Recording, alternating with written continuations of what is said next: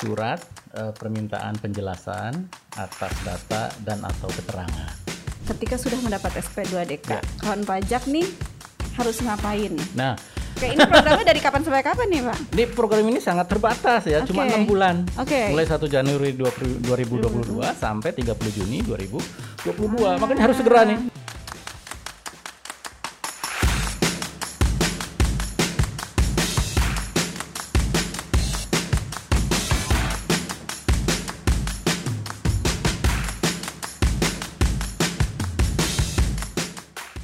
Assalamualaikum warahmatullahi wabarakatuh. Halo kawan pajak semua, apa kabar?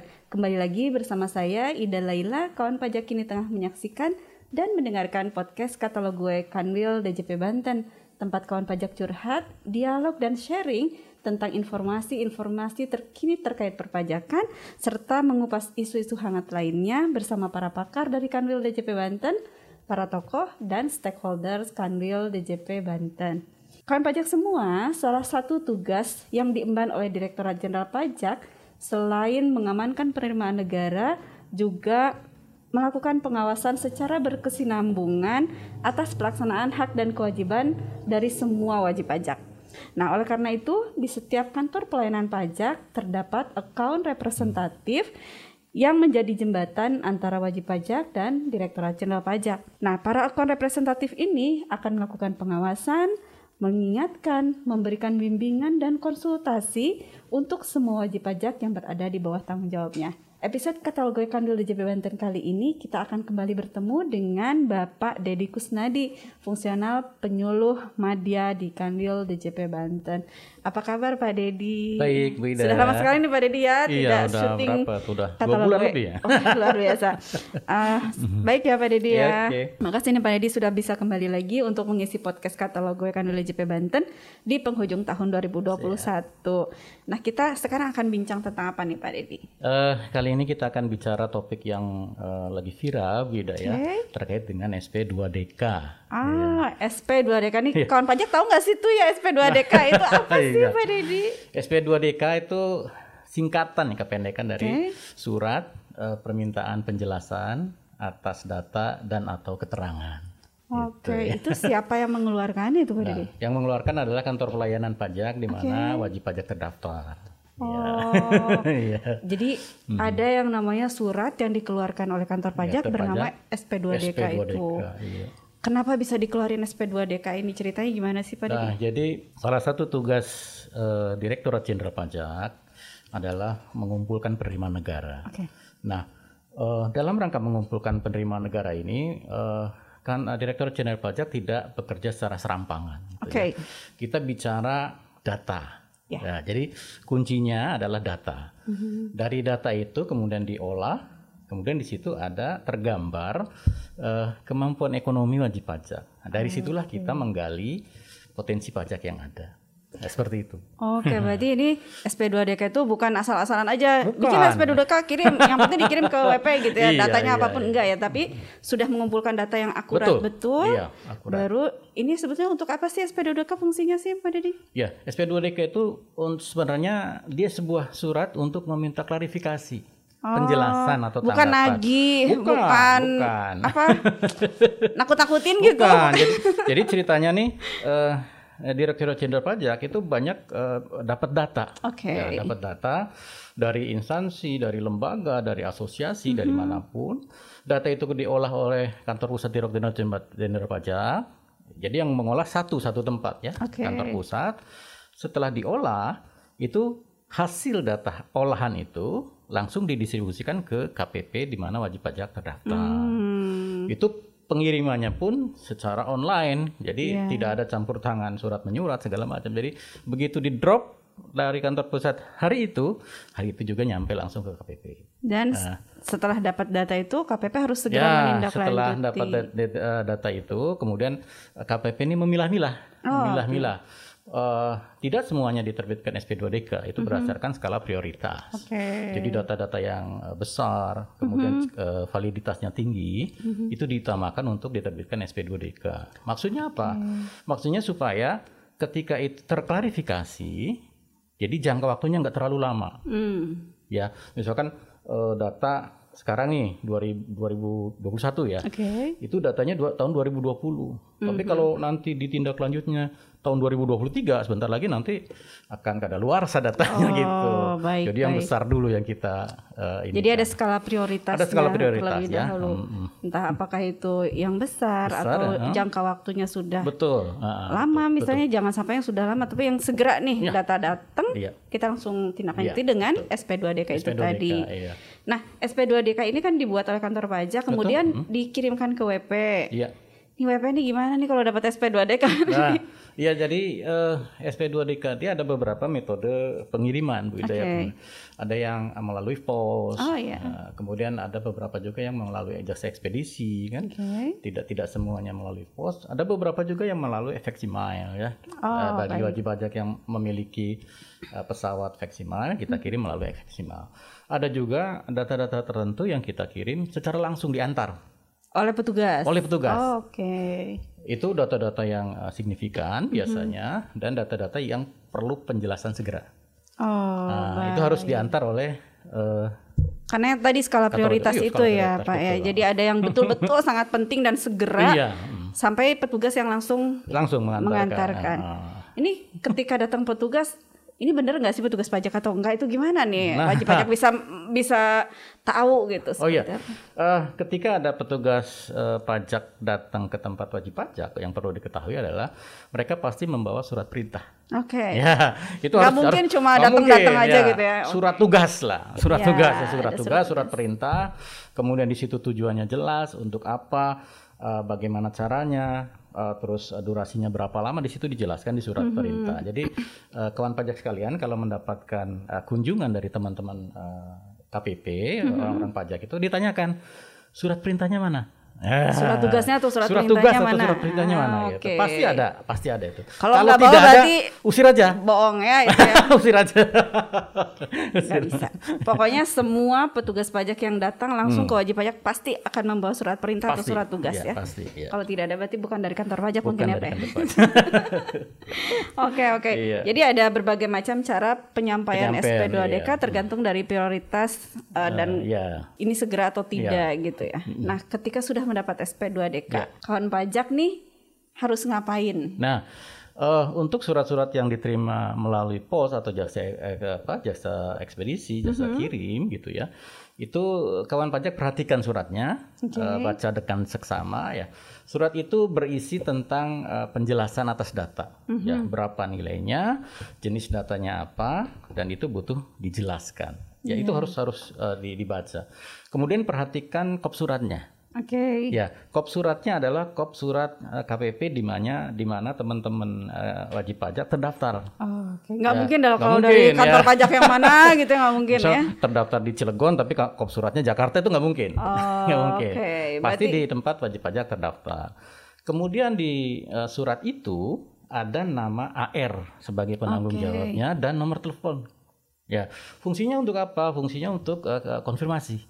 Apakah surat ini benar atau tidak? Ah. Iya. Nah, di situ disediakan. Ya. Jadi disediakan kanal untuk menghubungi Iya, kembali ke kantor betul, pajak betul. ya. Heeh. Dan langsung menunjuk petugas yang langsung mengirimkan langsung. surat Iya, itu. iya, iya. Tidak ada kosongan, tidak ada. Oh, oke, berarti kawan pajak nggak perlu bingung nih ya. Ini dapat surat terus saya harus ngapain Ah, suratnya iya, gitu ya. iya.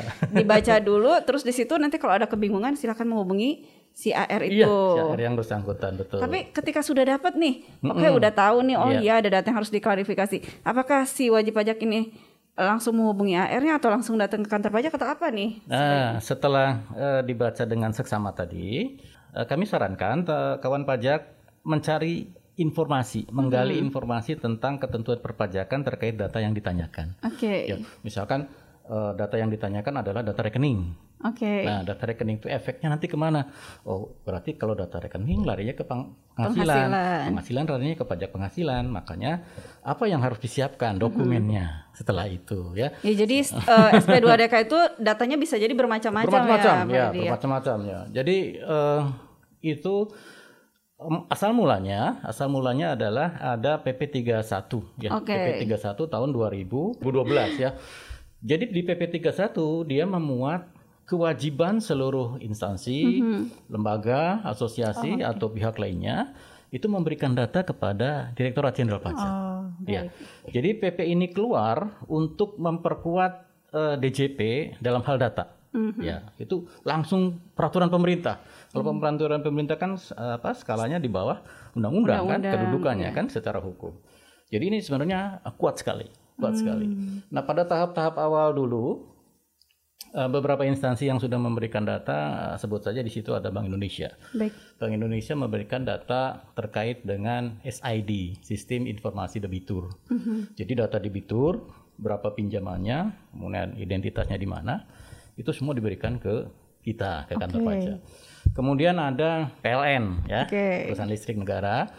Eh, mereka memberikan data eh, pengguna daya 6.000 watt ke atas. Oke. Ya, kenapa kok 6000 gitu ya?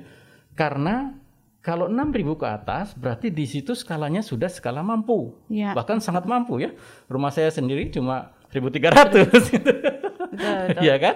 Kalau 6000 itu berarti di situ AC-nya udah berapa puluh kan gitu ya. Iya. Atau di situ ada industri rumah tangga. Iya, Nah, itu yang- yang kita penggunaan garis. listriknya sangat besar Iya, sekali iya. sehingga ada indikasi bahwa di situ ada kegiatan usaha. Kegiatan usaha ada ada, ada atau penghasilan di ada situ penghasilan, kan. oke. Kemudian yang eh, berikutnya itu ada dari Dinas Pendapatan Daerah Oh, Provinsi oke. terkait dengan kepemilikan kendaraan bermotor ya.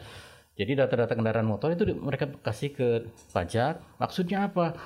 Kalau ada eh, wajib pajak atau orang pribadi memiliki kendaraan eh, mobil katakan yang harganya 200 juta ke atas, berarti dia punya kemampuan. Kalaupun kredit minimal kredit kan 5 juta sebulan ya untuk cicilannya. Iya, iya. berapa dia untuk biaya hidupnya di luar cicilan? Kan gitu ya. Eh, pola pikirnya seperti Iya, itu. iya, jadi data-data itu eh, memang eh, ketika masuk ke kantor pusat Mm-hmm. kita kantor pusat direktorat jenderal pajak diolah sama teman-teman di kantor pusat Mm-hmm. di cleansing supaya eh, memang bersih data-data yang valid saja Mm-hmm. yang identitasnya jelas saja yang kemudian diturunkan ke KPP Ya dan data itu. itulah yang dimintakan diklarifikasi Iya, oleh wajib diklarifikasi, pajak. ya. Jadi jangan takut ini ngapain sih kantor pajak eh, ngutak-ngatik harta kekayaan kita Iya. aku gitu kan nggak perlu takut gitu ya cuma perlu, perlu ya. klarifikasi oh betul misalnya ini Iya. punya saya. Nah kalau misalnya nggak betul itu bukan data bukan harta punya dia, Iya. bukan data yang sebenarnya gimana Iya. tuh?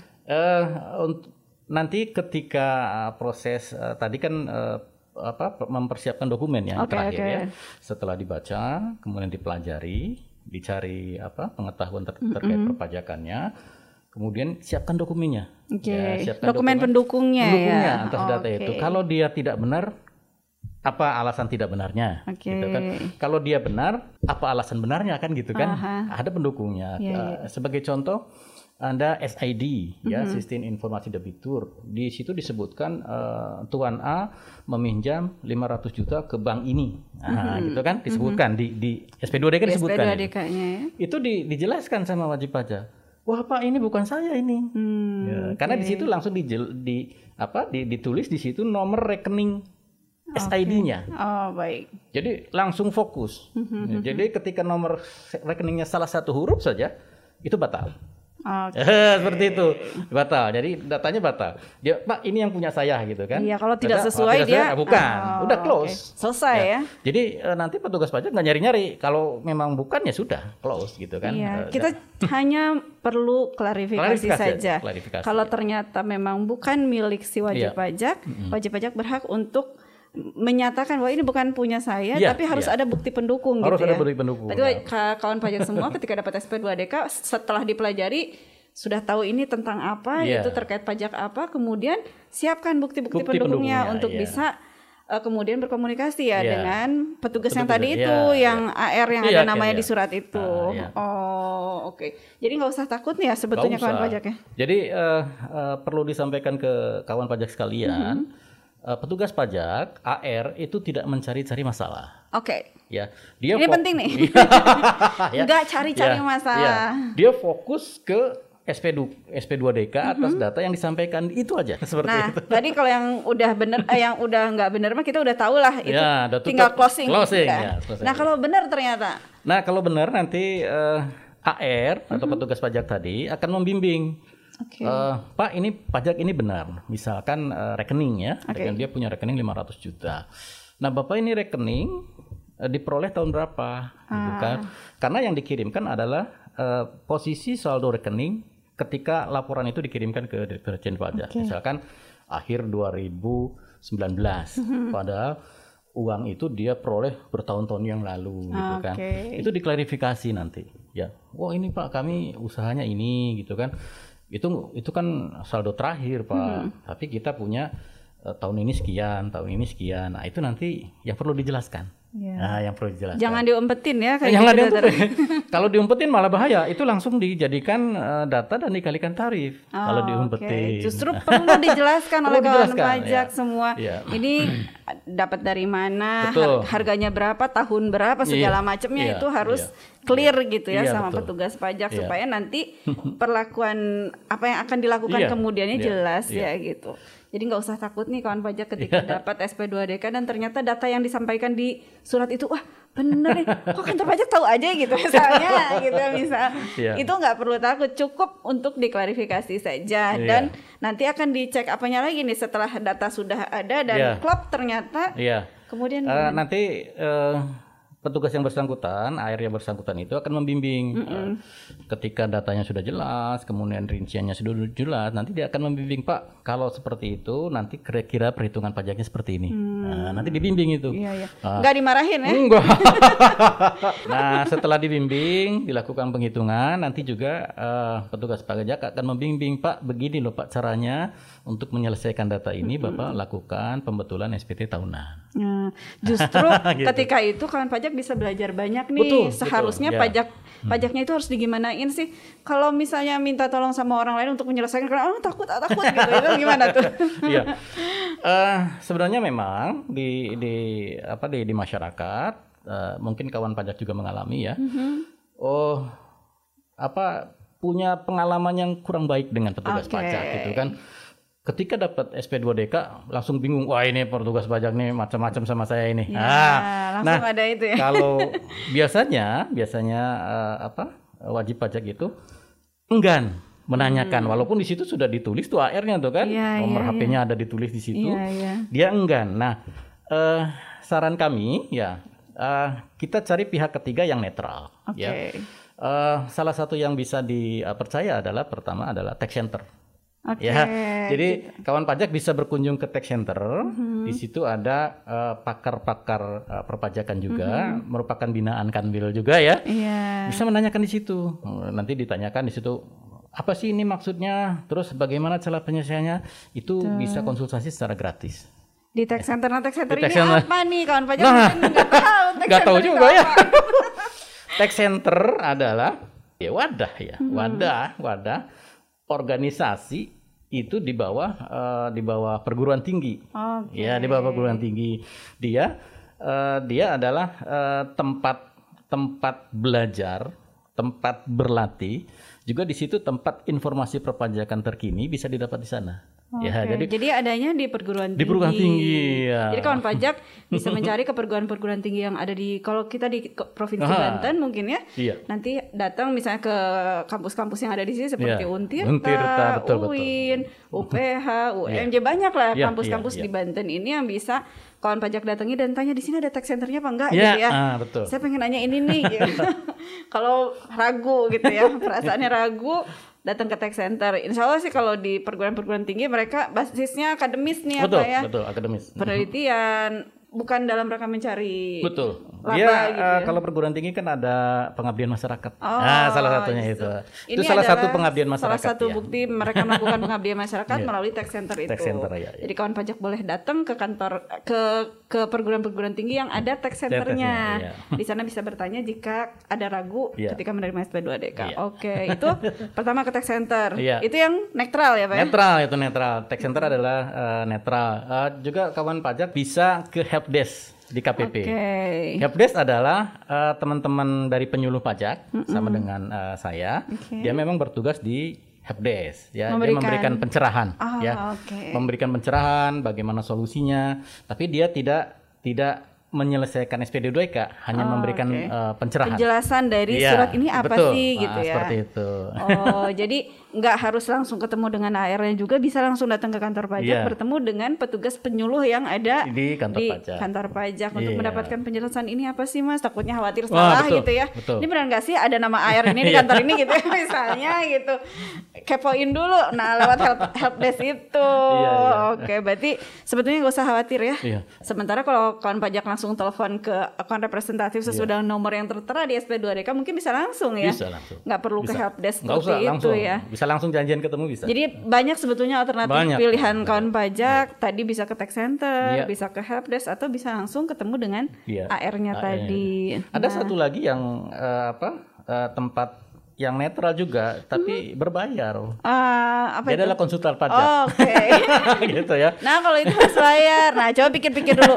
Ini data saya mesti bayar pajak apa enggak ya? Nah, itu. Kalau ternyata ini yang nggak perlu bayar pajak, ternyata bayar ke konsultannya. Nah, gitu. iya. Tapi kalau itu memang jadi pilihan kawan pajak ya silahkan Iya, saja iya, ya. Itu iya. karena eh, masing-masing kawan pajak punya banyak alternatif pilihan untuk menyelesaikan SP2DK. betul. Mhm. Tapi jangan ditunda-tunda ya Pak. ya? Betul, jangan ditunda nanti semakin lama semakin besar nanti sanksinya karena ada Ya, sanksi di situ. oke. Kalau memang ternyata betul datanya, kemudian ada pajak yang harus dibayar, Iya. semakin lama diselesaikan, semakin besar sanksi. Iya. Oke. nah ya itu kan pajak. Jadi ini dicerahkan banget nih Pak Deddy ketika dapat SP2DK, jadi nggak perlu khawatir, nggak perlu takut, iya. langsung baca. Kemudian tadi dipelajari, Iya. kemudian nanti datanya bener apa enggak nih? Kalau enggak mah enak, tinggal langsung klarifikasi. Iya, ini enggak nih, ini Iya. buktinya gitu ya. Ah. Tapi kalau iya ternyata betul dan kawan pajak mungkin lupa Mm, mm, mm, atau hilaf atau Ah, dulu iya. mungkin belum belum paham nih Iya. tentang pajak, bisa langsung menghubungi ke AR-nya, bisa ke tax center, bisa juga minta bantuan dari Betul. konsultan pajak. Yang penting si SP2DK jangan didiamin ya Pak ya. Iya. Harus diselesaikan. Iya. Nah, tahun 2021 ini kita sudah ada namanya undang-undang harmonisasi Ah, betul, peraturan betul. perpajakan. Di situ juga mengatur tentang program pengungkapan sukarela. Betul. Apakah ini ada ada ada hubungannya nih dengan SP2DK ini, Pak? Eh, sangat berhubungan sekali. Oke. Eh, sangat berhubungan. Jadi eh, ceritanya ketika tadi eh, tahun 2012 itu ada PP 31 kan. Oke. Eh, kemudian di tahun 2017 itu ada Undang-Undang Nomor 9. Undang-Undang Nomor 9 itu tentang eh, akses data otomatis ya, akses data otomatis. Undang-undang ini muncul eh, sebagai konsekuensi kita bergaul dengan dunia internasional Oke. per- di bidang perjanjian perpajakan. Salah satu amanatnya apa? Salah satu amanatnya bahwa keterbukaan informasi eh, terutama terkait eh, apa rekening apa, kepemilikan rekening itu harus segera diimplementasikan. Nah, ketika itu diundangkan, eh, data-data yang masuk itu semakin banyak, Oke. ya. Tercatat di 2018, ini saya catat di sini. Oke. Ya, 2018 itu ada sekitar eh, data dari eh, apa outbound dari luar negeri itu sekitar 2.700 triliun. Oke. Sementara data dari dalam negeri ada 3.500-an triliun. Ya, hampir-hampir eh, 6 6 triliun ya. Hampir 6 triliun lebih. Eh 6.000 triliun maksud saya. Itu data sangat besar sekali. Data itu berupa data saldo rekening baik di dalam maupun di luar negeri Luar negeri. yang yang dikirimkan oleh perbankan secara otomatis. Uh, kemudian ada juga data-data penghasilan, ya, data-data penghasilan yang diterima uh, kantor pajak ini tercatat uh, kalau di catatan saya ya ada sekitar 670 triliun. Oh, luar biasa ya, Pak. Oh, luar biasa banyak sekali, banyak sekali. Banyak. Dan yang yang sudah diklarifikasi hanya 7 triliun. Jadi sisanya 600-an triliun masih belum terklarifikasi. Iya, Cara klarifikasinya seperti apa? Seperti apa? Ya, pengiriman SP2 KDK itulah Iya. cara kita mengklarifikasi. Dan ini akan Data. close ya. Iya. Apa pun hasilnya, apakah itu datanya sesuai atau tidak. Iya, iya. Itu semuanya nanti akan ditutup gitu ya. Iya. Ditutupnya Harus ditutup, harus harus, ditutup. tuntas gitu. Harus, tuntas. gitu. Data ini sebanyak ini harus tuntas, Harus tuntas, gitu ya. harus tuntas. Makanya dibantu nih sama kawan pajak yang dapat SP2DK, Iya. segera klarifikasi Iya. supaya data ini su- supaya jelas gitu. Iya. Negara pun ingin jelas nih apakah Iya. dari data ini mungkin potensi pajak kita tuh masih ada masih berapa ya masih banyak, gitu sebenarnya ya. masih banyak sebenarnya. Nah data-data itu kan eh, banyak Bu Ida ya. Banyak sekali dan besar-besar. Nah eh, ketika pandemi itu kemampuan ekonomi masyarakat termasuk wajib pajak itu Iya. sangat sangat tertekan ya kemampuan Oke. ekonominya. Turun semua drop itu. Tapi di satu di satu sisi kantor pajak ingin menggali Mhm. data itu menjadi penerimaan negara kan gitu kan. Nah di sini ada dua dua hal yang saling bertentangan, yang satu Iya. turun, yang satu pengen naik kan gitu Iya. kan. Akhirnya eh, dikeluarkanlah kebijakan baru terkait Mhm. dengan program pengungkapan sukarela. Sukarela. Data-data itu silahkan diungkap oleh wajib pajak, ya dengan nanti konsekuensinya dengan tarif yang lebih murah. Oke. Ya.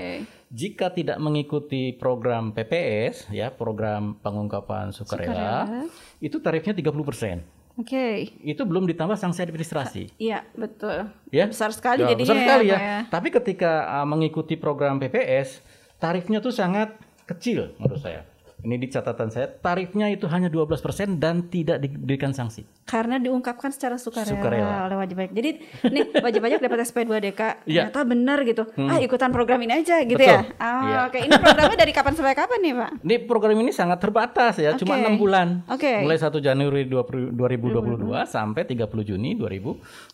Makanya harus segera nih. Nah, kawan harus pajak segera nih. yang dapat SP2DK jangan disimpan-simpan lagi, dilihat lagi benar apa Iya, enggak iya, datanya. iya, iya. Kalau benar segera selesaikan dengan program PPS ini. Iya, iya. Tarifnya hanya 12% jauh dibandingkan dengan jika kawan pajak tidak mengikuti program Betul. PPS ya. Tapi ingat hanya dari 1 Januari 2022 sampai 30 Juni. 30 Juni 2022. 2022. Oke, gimana nih um, Pak Dedi? Kita sudah bincang banyak Iya. banget. Masih ada yang ingin disampaikan sebagai closing statement buat kawan-kawan pajak semua terkait SP2DK ini? Oke, baik. Eh, jadi kawan pajak sekalian, boleh jadi, boleh jadi nanti eh, ada beberapa teman kita AR di KPP yang agak saklek gitu kan. Oke. Oh pokoknya gini gini gini. Nah, nggak usah takut ya kawan pajak sekalian. Di atas AR itu masih ada kasih. Oke, masih ada mekanisme nih Ya, kalau nanti di misalnya- atas kasih ada kepala kantor. Oke. Jadi kawan pajak bisa minta, eh saya pengen ketemu kasihnya. Nah, biasanya kasihnya lebih bijak gitu kan. Iya, iya, iya, ya, iya. lebih bijak. Apalagi kepala kantornya lebih bijak lagi karena kan sudah eselonnya lain gitu kan. Iya, iya. Jadi tidak berhenti di AR, ya. Jadi SP2DK itu tidak berhenti di AR, tidak harus diselesaikan oleh AR, Oke. karena dia ada eh, tingkatan yang lebih tinggi lagi. Ada kepala seksi, ada kepala kantor. Kebijakan terakhir adanya di kepala kantor. Oh, Ya. baik. Jadi jangan takut. Terima kasih nih Pak Dedi. Percakapan iya. kita hari ini tentang SP2DK sangat menarik. Hmm. Kawan pajak jadi paham nih tentang apa itu SP2DK. Bukan hanya sekedar dari singkatannya saja, tapi mulai dari prosedurnya. Kemudian kawan pajak juga tahu harus ngapain setelah dapat Iya. SP2DK. Jadi jangan takut dan khawatir ketika menerima SP2DK. Dan jangan salah paham juga dengan SP2DK nih mulai saat ini kawan pajak. Kawan pajak ternyata masih punya hak untuk mengklarifikasi Betul. data-data yang ada di SP2DK itu. Jika memang data itu tidak sesuai, maka sampaikan ke petugas yang mengirimkan SP2DK tersebut. Dan marilah kawan pajak kita semua lakukan kewajiban kita dengan sebaik-baiknya. Kawan pajak laksanakan hak dan kewajiban perpajakan dengan baik sehingga baik wajib pajak maupun kita petugas pajak punya peran yang sama besar dalam mengamankan penerimaan negara betul, ya. betul sekali. Intinya sebetulnya ke situ mengamankan penerimaan negara Iya. bukan untuk eh, menzolimi lah kawan pajak Iya, bukan iya. ya, tapi ini kita sama-sama kawan pajak eh, dengan jujur menyampaikan semuanya terkait eh, data-data perpajakan kawan pajak. Hmm. petugas juga dengan jujur eh, membantu kawan pajak dalam menyelesaikan data yang sudah dikirimkan melalui SP2DK tersebut. Terima kasih Pak Dedi sudah Ya. berkenan hadir kembali di podcast Katalog Ekan WJP Banten. Iya. Dan terima kasih juga untuk kawan pajak semua yang sudah rela menyaksikan dan mendengarkan podcast Katalog Ekan WJP Banten episode SP2DK kali ini. Jangan lupa untuk mengikuti episode-episode lainnya di podcast Katalog Ekan WJP Banten melalui kanal YouTube dan Spotify Kanwil WJP Banten. Jangan lupa juga untuk follow dan subscribe media sosial kami baik itu Instagram, Twitter, Facebook, channel YouTube kami dan juga Spotify di Kanwil DJP Banten. Eh, demikian kawan pajak semua, eh, sampai bertemu lagi dengan episode-episode berikutnya. Bilahi taufiq wal hidayah. Wassalamualaikum warahmatullahi wabarakatuh. Waalaikumsalam.